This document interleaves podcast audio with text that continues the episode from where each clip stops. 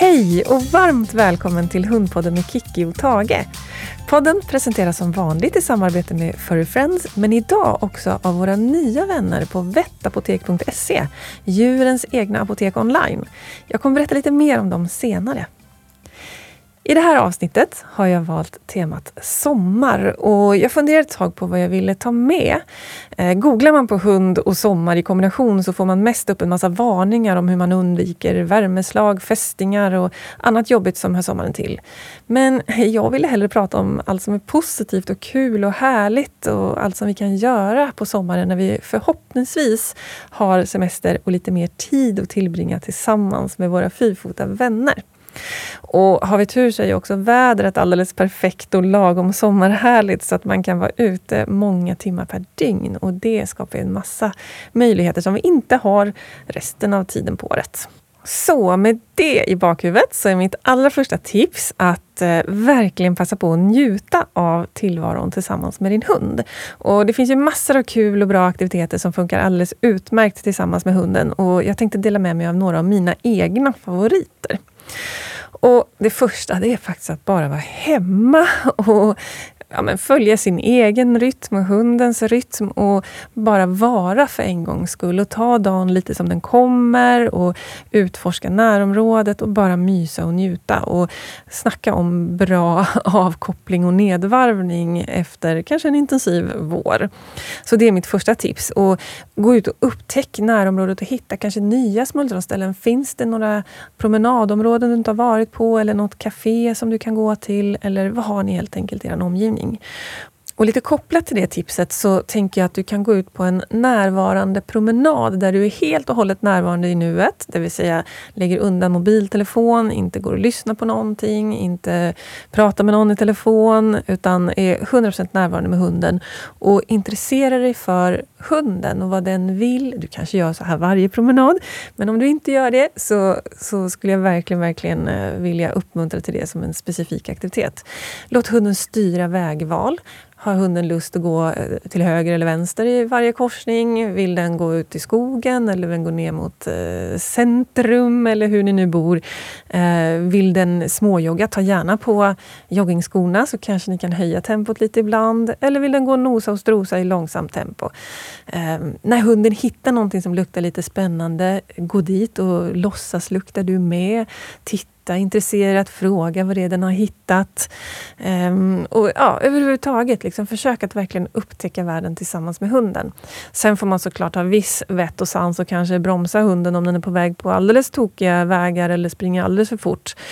Uh, men, men överhuvudtaget, ut och gå en närvarande promenad som verkligen är tillsammans med hunden och där hunden får styra så mycket som möjligt. I promenaden kan du också lägga in små sessioner där du visar hunden någonting spännande, men gärna någonting då som du tror att hunden kommer tycka är intressant. Det kanske eh, finns någon hålighet under någon sten som man kan nosa i tillsammans eller du kan eh, gömma lite godis eh, under en grästuva och låtsas att du hittar den där och visa hunden. Eller bara, bara titta ut över vattnet eller sniffa lite i luften. Eller ja, visa liksom hunden att du också hittar saker som är spännande och intresserar den för de sakerna. Så det är väl mitt första tips. Upptäck närområdet, stanna hemma, bara var. Följ din egen rytm och hundens rytm och bara gör det som faller dig in för stunden för en gångs skull. Nästa tips det är att eh, hitta på en picknick med hunden. Något utflyktsmål som eh, är trivsamt för er båda. Eh, packa med matsäck. Snacka om vilken skillnad det gör om man tar med matsäck eller inte. Det räcker nästan med att stoppa ner en termosmugg med kaffe i fickan så tycker jag att det blir en helt annan känsla av promenaden jämfört med om man bara går ut och går. Och har man dessutom med sig någon liten macka eller något annat ätbart, då blir det verkligen, verkligen lyxigt. Och glöm inte att ta med någonting till hunden. Vatten att dricka och kanske ett tuggben eller något annat gott att mumsa på medan du sitter där med din matsäck. Annars är det ju inte rättvist, tänker jag. Jag kommer lite längre fram i programmet prata om eh, saker som kan vara bra att tänka på när man ger sig ut på de här äventyren. Men jag tänkte börja med att, att berätta om liksom mina favorittyper av äventyr, så kommer vi in lite mer på detaljer sen om hur man ska lägga upp det så att det blir bra, inte bara för en själv utan också för hunden. Ja, så picknick, det tycker jag är en väldigt bra sommaraktivitet. Och Man kan ju antingen göra den själv med hunden, det kan vara otroligt lyxigt. Jag var iväg och vandrade själv med Tage i Tivedens nationalpark som är ett av mina favorit eh, vandringsmål som jag återkommer till minst en gång varje år. Och Det var otroligt lyxigt att gå själv där för en gångs skull. Det är faktiskt första gången jag gör det och det var härligt på ett annat sätt. Sen kan det också vara jättehärligt att eh, åka på picknick eller så tillsammans med vänner. Man kan stämma träff någonstans eh, och alla har med sig fika och så sitter man där och myser. Jättehärligt tycker jag. En annan sak som jag tänker man kan också passa på att göra på sommaren, det är miljöträna. Eller åka och eh, hälsa på i miljöer som man inte är van vid. Och då är det ju otroligt olika på olika hundar vad de är vana vid såklart. Eh, bor man på landet så är det inte så spännande kanske att gå och se kossor i en hage, för det gör hunden till vardags. Men bor man i stan, då kan det vara jättespännande att åka ut på landet och se djur, hästar, kor, får, allt vad det nu kan handla om. Kanske besöka någon 4H-gård under ordnade former om man har en hund som tycker att det är en lagom svår miljö. Så åka till någonstans där det finns djur och natur som man inte riktigt är van vid. En annan favorit som jag har det är att åka till havet och promenera vid havet. Om man inte har lyxen att bo där permanent så kan man ju åka på utflykter och gå i annorlunda natur, hitta annorlunda dofter, klättra på klippor trappor. Jättebra muskelträning för hunden att få gå lite upp och ner och kämpa lite grann med musklerna. Och om man inte brukar vara i skogen regelbundet, nej, men då är det en fantastiskt eh, bra eh, ny miljö för hunden att upptäcka.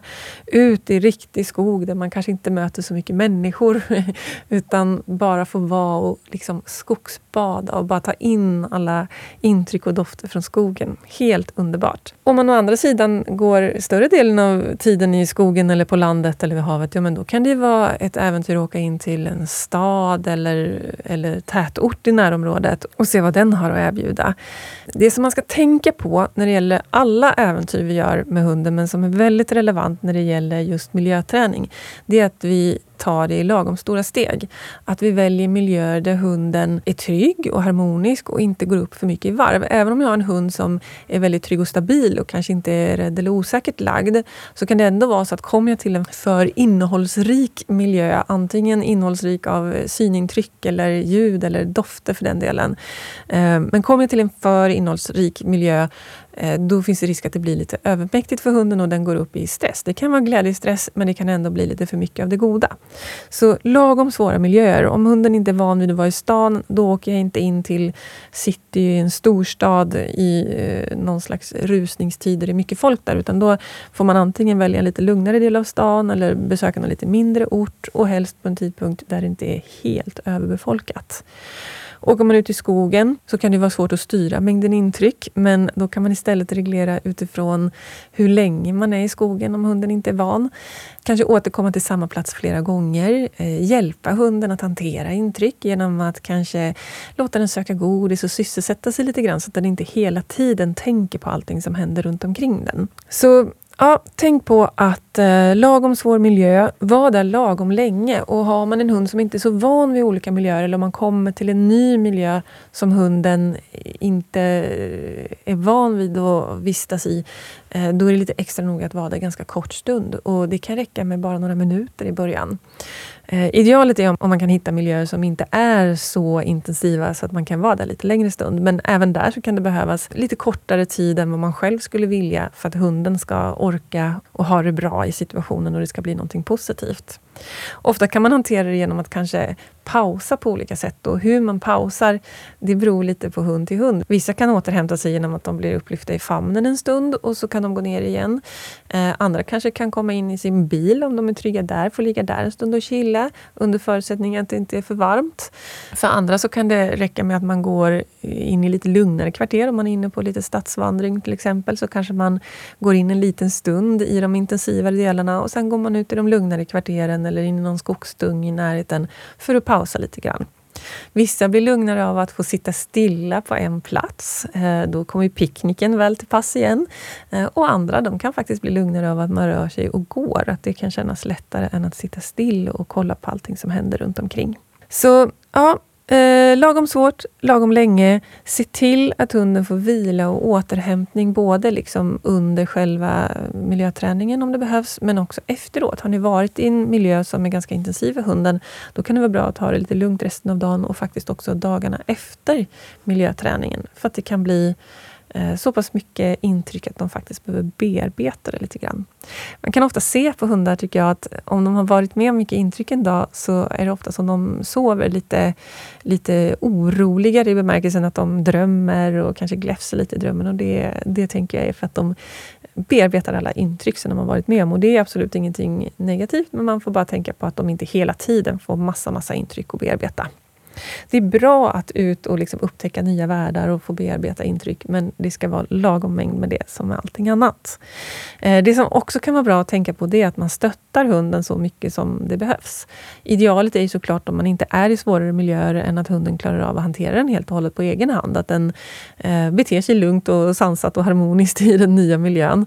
Men är det så att den går upp i varv, antingen då av den här glädjestressen eller för att den blir lite osäker, ja men då är det bra om du finns där och stöttar. Prata med hunden, eh, ge lite godisbitar, kanske be den göra någonting som den kan. Eh, söka godis. Så ut och besöka olika miljöer, göra upptäcktsfärd i olika miljöer som ni inte brukar vara i. Det tycker jag är jättespännande så här på sommaren när man har lite mer tid. Jag nämnde Tivedens nationalpark där innan och att ut och vandra tycker jag också är en sån härlig aktivitet med hunden på sommaren.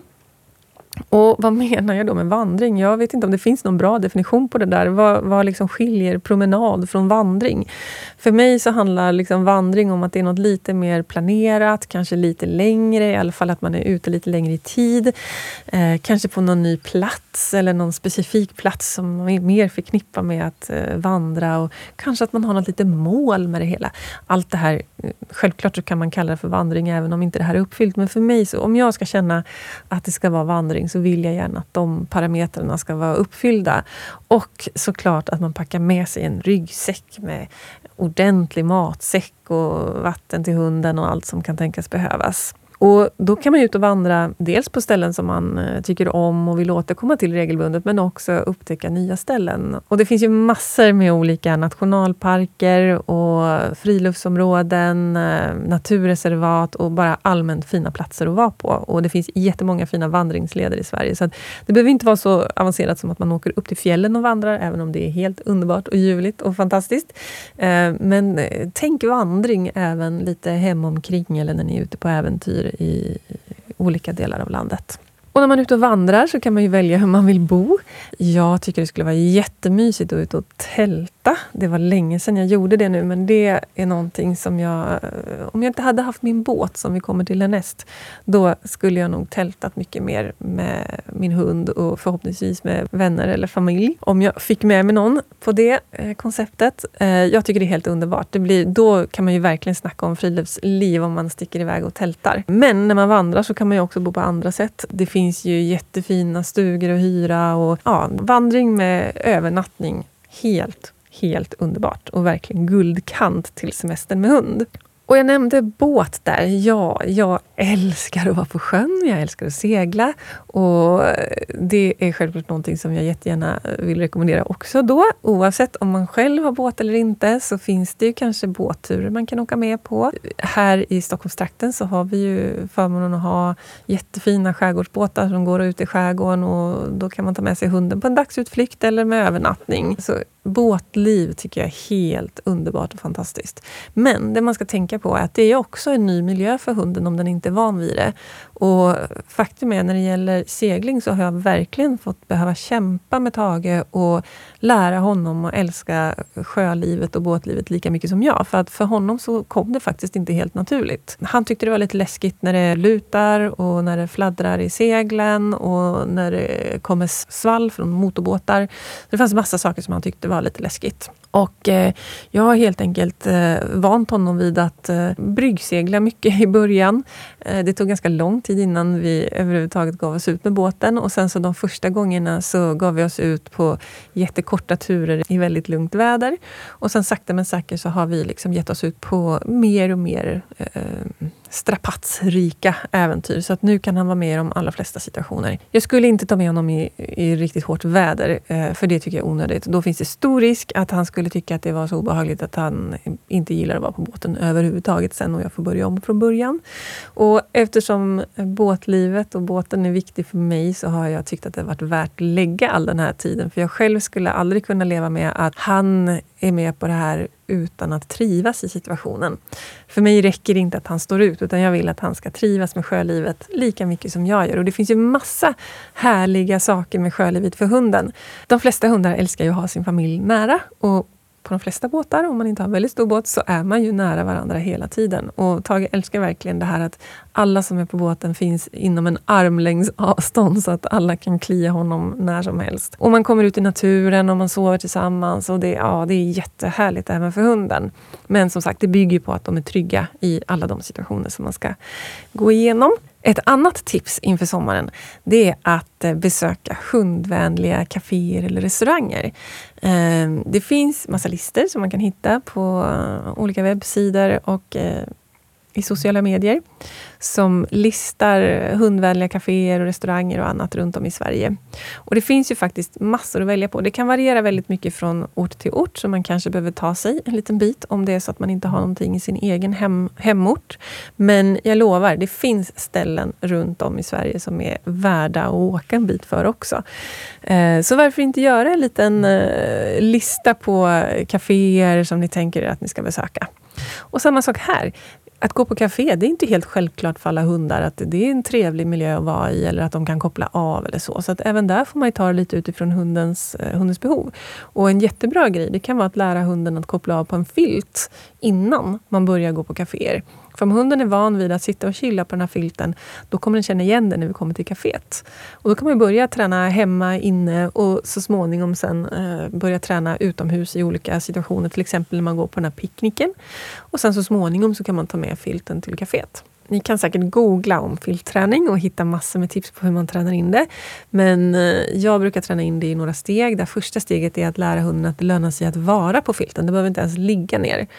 Eh, och då gör jag så att jag lägger ner filten på marken och så när hunden då troligtvis går fram och tittar på vad det var jag la på marken, då ger jag hunden en godisbit på filten. Jag slänger godis på filten när hunden går dit. Eh, så lär sig hunden att det lönar sig att vara på filten. Om jag sen fortsätter ge godisbitar långt ner på filten, eh, det vill säga jag lägger antingen godisbiten på filten eller handen med godisbiten i på filten och när hunden är där så öppnar jag handen nere vid filten så att den vänjer sig vid att få dem där.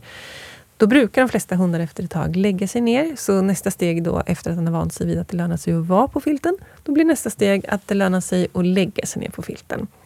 Eh, jag belönar gärna flera gånger när hunden ligger där, innan den hinner resa sig upp igen, för då lär den sig också att det lönar sig att ligga kvar på filten. Och det är precis det jag vill åstadkomma.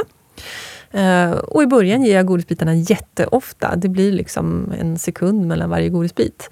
Men i takt med att hunden börjar lära sig det här så kan jag glesa ur mer och mer mellan godisbitarna så att den ligger längre och längre stund. Och efter ett tag så kan jag sitta kanske med godisbitarna i fickan och bara då och då lägga ner en godisbit till hunden medan den ligger kvar när jag har tränat det här ett tag, då blir till slut eh, filten liksom som en magnet. Så, så fort jag lägger ner filten på marken så, så dras hunden dit. Eh, så att det är nästan svårt att lägga ner filten för att hunden är i vägen för den vill på filten. Och då vet man att då har man lyckats med första steget, att få få hunden att vilja vara på filten. Ja, och sen så fortsätter jag jobba med att hunden också ligger kvar på filten. Sen börjar jag träna i lite nya miljöer, kanske börja träna utomhus som jag har tränat inne innan. Eh, och då får jag backa tillbaka till ett tidigare steg, det vill säga belöna tätare igen. Kanske belöna direkt när hunden går på filten och bara med någon sekunds mellanrum. Men sen öka tiden igen så att den klarar att ligga kvar en stund på filten även när det är lite saker som händer omkring och en mer intrycksrik miljö. Och till slut så kan jag ta med mig den här filten när jag går och hälsar på folk eller när jag går på café. Och det är otroligt värdefullt. Det kan ta ett tag att komma dit, men det är så värdefull träning. För dels blir det ett bra sätt att eh, jag kan koppla av och fika med mina vänner för att jag vet att hunden ligger ner och tar det lugnt. Men det blir också en trygghet för hunden att känna att den har sin filt med sig och den känner igen den och den behöver inte gå upp i varv så mycket för att det finns saker runt omkring utan den kan koppla av på sin filt. Så väldigt värdefullt, både för hund och människa. Och när vi ändå är inne på det här med träning så tänker jag att eh, de allra flesta har ju lite mer tid att ägna åt sin hund eh, så här på sommaren. Att eh, vi har förhoppningsvis semester och dagarna är längre så att det känns i alla fall som att vi har mer tid att ägna oss åt hundträning. Och då kan man ju passa på att träna på det där som man skulle önska att hunden kunde bättre bättre i vardagen. Det blir så lätt att vi bara fångas av vardagen och tror att allting ska funka eh, direkt utan träning. Men eh, nu kan det vara läge att ta tag i det som man vet med sig att det inte riktigt funkar. Det kanske är så att hunden eh, skäller på andra hundar eller har svårt att gå i koppel eller inte kommer på inkallning eller inte kan koppla av när man går på café. Så som sagt, att träna filtträning det är en jättebra grej att passa på så här på sommaren när vi har lite mer tid. Men andra saker som är bra att träna, ja, men det är till exempel inkallning. Um, och samma sak där. Jag använder precis samma inlärningsprinciper eh, uh, vad jag än ska lära hunden, men de behöver såklart anpassas både utifrån vad det är jag försöker lära den och utifrån hundens preferenser och behov. Men själva grunden är att jag hittar någon bra belöning, någonting som hunden uppskattar. Det kan vara godis, lek, det kan vara beröm, det kan vara kel, men det ska vara någonting som hunden verkligen, verkligen uppskattar. Sen börjar jag med något litet steg som, som går i den riktning som jag vill att hunden ska utvecklas. Och så belönar jag det. Då kommer jag få mer av det steget, eller då kommer jag få mer av det beteendet. Um, och så kan jag höja ribban lite grann. Uh, ta ytterligare ett steg närmare målet tills jag till slut får hunden att göra allt det jag vill um, i de situationer som, som det behövs. Och tar man då inkallning som exempel så kan ju första steget vara att jag är hemma inne eh, i helt störningsfri miljö, locka lite på hunden och belöna med en godisbit eller en leksak. Och sen blir nästa steg, när jag upprepat det många gånger hemma inne i störningsfri miljö och hunden tycker att hit, eller vad jag nu använder för inkallningsord, är det bästa som finns. Då kan jag gå ut eh, i så störningsfri miljö som möjligt och fortsätta träningen där. Säga hit, och så belöna massor när hunden kommer. Ett tips är att när du har sagt hit, spring bort från hunden så är det större chans att den kommer mot dig. Eh, och belöna massor när den kom. Och sen tränar man sakta men säkert i svårare och svårare situationer varvat med lätta situationer och medelsvåra situationer. Men aldrig i situationer som är så svåra att hunden misslyckas. För då har jag gjort lite för svårt. Om hunden gör fel då är det helt enkelt jag som har lagt upp träningen fel. Då har jag gjort lite för svårt. Eh, svårare än vad hunden var redo för. För att även om den kan komma på inkallning i lätta situationer så är det inte alls säkert att den klarar det när det dyker upp en katt eller hare eller en, en rolig hundkompis eller vad det nu kan handla om. Och Det finns en vits med att varva lätta, svåra och medelsvåra situationer. För att om vi bara gör det svårare och svårare så blir det liksom lite mer och mer hopplöst för hunden eh, efterhand som träningen går och de börjar till slut tycka att mm, men är det verkligen så himla mycket värt att komma på inkallning när det konkurrerar med så mycket svåra grejer hela tiden. Det kanske är mer värt att få springa efter en hare än att få springa till matte och få den där godisbiten. Men om jag ökar svårighetsgraden oregelbundet då kommer jag varva med massa lätta situationer där hunden verkligen tycker att tjoho, det är det bästa som finns att få komma till matte och få, eller husse och få belöning av något slag. Och då att det är någon gång då och då som, som hunden kanske tycker att ah, just i det här fallet så hade det kanske lönat sig mer att dra efter den där haren. Då, då kommer den ändå totalt sett tycka att det lönar sig att komma till dig. Så varva lätta och svåra situationer hela tiden. Andra saker som kan vara bra att träna på det är till exempel koppelgående. Passa på att träna jättemycket på att få ett fint koppelgående för då blir promenaderna väldigt mycket trevligare både för hunden och för dig själv. Eh, och samma sak där. Börja träna enkelt i störningsfria miljöer. Eh, belöna när hunden gör rätt och sen sakta men säkert träna i svårare och svårare situationer. Och Du kan också fundera lite grann på vad du har för utrustning. Det kan vara smart att ha ett lite längre koppel på hunden så att hunden har lite mer rörelsefrihet och inte begränsas av ett två meter långt koppel som blir eh, ganska lite utrymme faktiskt för att få röra sig fritt. Men har du ett till exempel 4-5 meters koppel, då kan hunden ändå röra sig ganska mycket fritt i kopplet utan att det sträcks. Men vill du korta upp det så kan du göra det Eh, och fortsätta träningen i, i lite kortare koppel. Så man kan variera längden och lära hunden att eh, inte streta och dra oavsett vilken längd man har. Ett annat tips när det gäller koppelträningen är att inte bara gå ut och gå utan faktiskt aktivera hunden med lite roliga övningar under promenadens gång. För det gör att hunden tycker det är lite roligare att gå tillsammans med dig när ni går era koppelpromenader. Att den inte bara hänger där längst ut i kopplet och försöker hitta på sina egna saker att aktivera sig med. Utan hitta på små roliga aktiveringsövningar. Det kan vara hoppa upp på stenar, sätta tassar mot träd, eh, söka efter godis, eh, gå fint vid sidan några steg, eh, leka lite grann med en pinne som ni hittar. Det kan vara vad som helst, men aktivera dig tillsammans med hunden. Då går det mycket, mycket lättare att eh, träna koppelgående. Om du skulle vilja ägna en del av sommaren åt att träna på just den här typen av vardagsbeteenden, då kan jag tipsa om att vi just nu har ett sommarerbjudande på min eh, onlinekurs som heter Vardagsträning, aktivering och abrovinker. Det är en självstudiekurs som du kan göra precis när du vill och den innehåller massor av filmer med både teori men framförallt också massor av praktiska övningar där du får träna precis de här grejerna. Det är inkallning, det är koppelgående, det är hundmöten, det är avkoppling och nedvarvning. Det är allt som man behöver i vardagen. Och följer du den kursen så kan jag nästan garantera att du får lättare att hantera alla möjliga vardagssituationer. Och just nu som sagt så har vi ett sommarerbjudande på den. Så om du skriver in sommar25 så får du 25% rabatt på den kursen. Och du hittar den på Glada Jyckars webbsida. Så www.gladajyckar.se och vill du hellre gå kurs live så finns det såklart också massor av roliga kurser och läger i sommar. Både hos oss och hos andra arrangörer. Eh, och min kollega Monica arrangerar bland annat en intensivkurs i rallylydnad på Gotland i Lärbro den 11 till 14 juli. Så är du Eh, på Gotland i sommar, i juli, så kan jag varmt rekommendera att hoppa på den kursen. Rallylydnad är en jätterolig träningsform där man eh, får träna följsamhet och samarbete under lättsamma, roliga former. Och även här i Stockholm så har vi intensivkurser både i rallylydnad och också i nosework under sommaren. Och så en del intensivvalpkurser också såklart. Så kolla in på gladajyka.se så hittar ni även de kurserna där.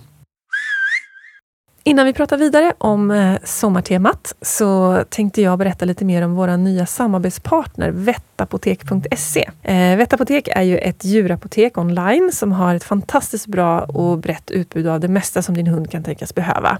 Hos Vettapotek så kan du också hämta ut din hunds recept samtidigt som du handlar, oavsett var du befinner dig eller vad klockan är. Du loggar helt enkelt in med ditt bank-id och väljer det recept som gäller och sen hanterar Vettapoteks farmaceuter din beställning och skickar den till dig. Tage äter ju en del mediciner på grund av sina allergier och jag har börjat skicka efter dem från Vettapotek och det är supersmidigt. Eh, enkelt att beställa och med snabb och smidig leverans. Och dessutom så har de ju som sagt massa andra bra produkter som man kan passa på att beställa när man ändå håller på. Och Tage såg den här gången till att jag la till en rolig aktiveringsleksak till beställningen. På Vettapotek så finns det jättebra grejer till vettiga priser. Och tack vare poddens samarbete med vettapotek.se så får du som lyssnar på podden fri frakt om du använder koden HUNDPODDEN när du handlar hos dem. Bra va?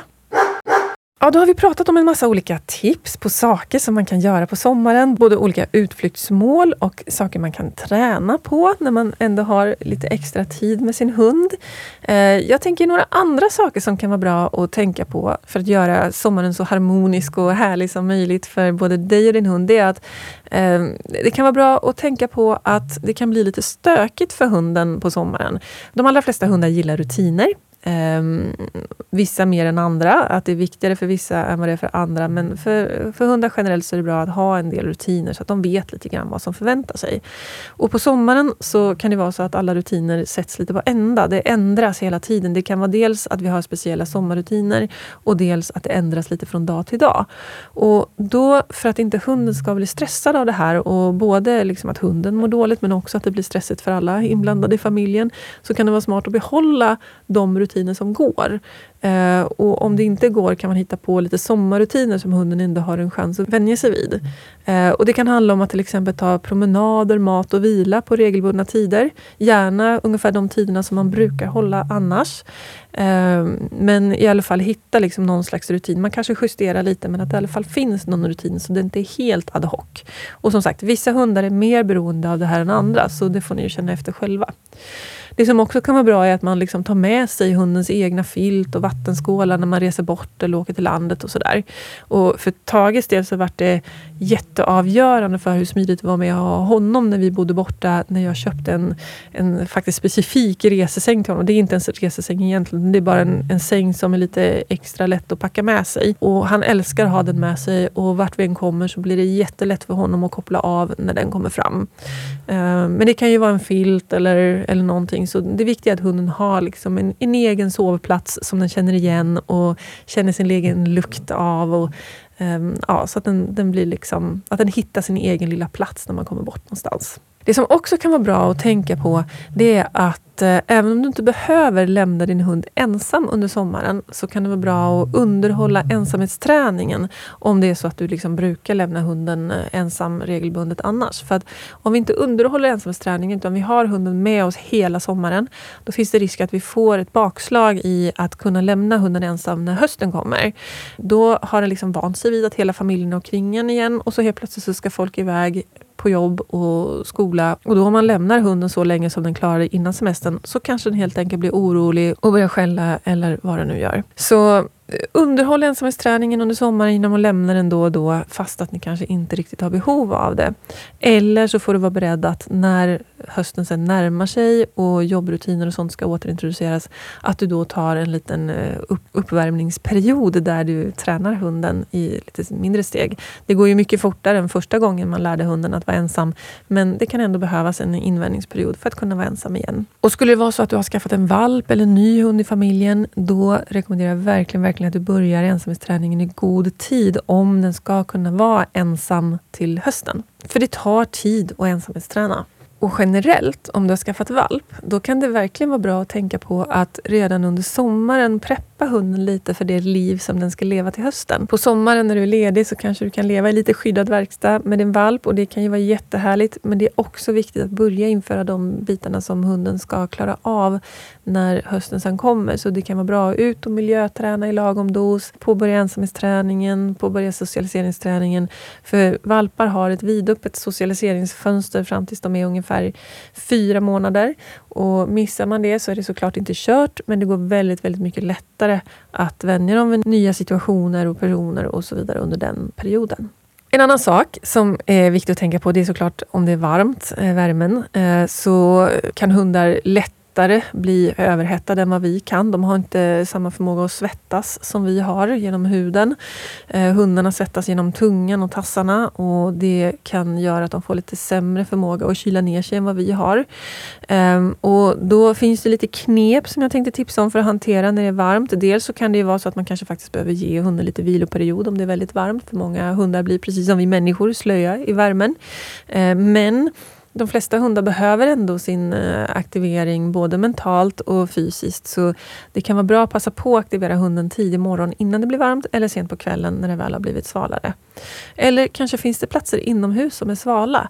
Eh, ni kanske har något garage eller källare eller källarförrådslängan om man, har, om man bor i en lägenhet. Eller kanske finns det ett parkeringshus i närheten som ligger under jord som då är svalt. Eh, ja, finns, det, finns det någon plats där ni kan söka er till och passa på att träna lite med hunden eller köra lite godissök eller nosework eller vad man nu håller på med.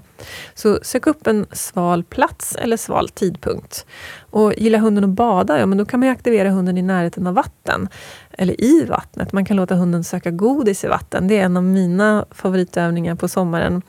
Eh, Tage är lite rädd för vatten så jag tycker det är perfekt för honom att vänja sig lite vid att vara i vattenbrynet genom att eh, söka flytande godisbitar Eh, och det är faktiskt väldigt många godisbitar som flyter. Nästan allt torrfoder, eller allt torrfoder som jag har stött på. Eh, och många så här frystorkade godisbitar. Till exempel från min samarbetspartner Furry Friends. Tage älskar deras frystorkade godis. Eh, så det finns ganska många godisar och matsorter som flyter. Så att då kan man sprida ut lite sånt runt vattenbrynet. Och har man som jag då en liten badkruka, då ska man inte kasta ut det för långt utan hunden kan i princip stå på strandkanten och äta godisbitarna i början om den vill. Och vågar den gå i med tassarna så är det fine. Men inte forcera i det med hjälp av godis, utan eh, ta det i hundens takt. Har man en hund som tycker mer om vatten, då kan man ju låta det vara lite djupare så att de faktiskt får ut och, och plaska lite mer i vattnet. Och har man en hund som gillar att hämta föremål, då kan man också träna apportering eh, i vattnet. Man kan också simma tillsammans om hunden gillar att simma. Och man kan också passa på att aktivera på land i skuggan med bad emellan så att hunden håller sig sval. Ja, det är några tips för att få till aktiveringen när det är som varmast på sommaren. En annan sak som kan vara bra att tänka på det är att se till att hunden får vila och återhämtning. För att så här på sommaren, men dels så kanske vi flänger omkring mycket, vi åker och hälsar på folk. Eller så är vi hemma och är ute hela dagarna. Hunden kanske inte är van vid att vila och sova ute så att den inte riktigt kopplar av när vi är ute. Eh, det tog flera år innan, nu när Tage är lite äldre, då kan han lägga sig och somna när vi är ute på landet. Men första åren så var det verkligen så att var vi ute hela dagarna, då, då sov inte Tage. Utan då var han med och var glad med det. Men, jag, men om jag inte lät honom eh, sova, gå in och sova middag inne, då blev han lite mer stresskänslig och jag märkte att humöret började tryta. Eh, så det är väl lite precis som för oss människor. Får man inte sin sömn, då, då mår man kanske inte riktigt lika bra. Eller om man har folk på besök, så att det händer saker hela tiden. Eh, då kan det vara svårt för hunden att koppla av. Och då kan det faktiskt vara så att man kan behöva gå undan. Antingen om man har en hund som trivs med att gå undan och lägga sig själv, ja då kan man ju låta den göra det. Eller så får man väl gå och sova middag tillsammans med hunden. Då. Och det är kanske är skönt även för husse eller matte att få chans att smita undan lite från släkt och vänner som är på besök, eller vad man nu gör. Så ja, det kan vara bra ibland att ha en hund att skylla på om man känner att man vill dra sig undan lite grann.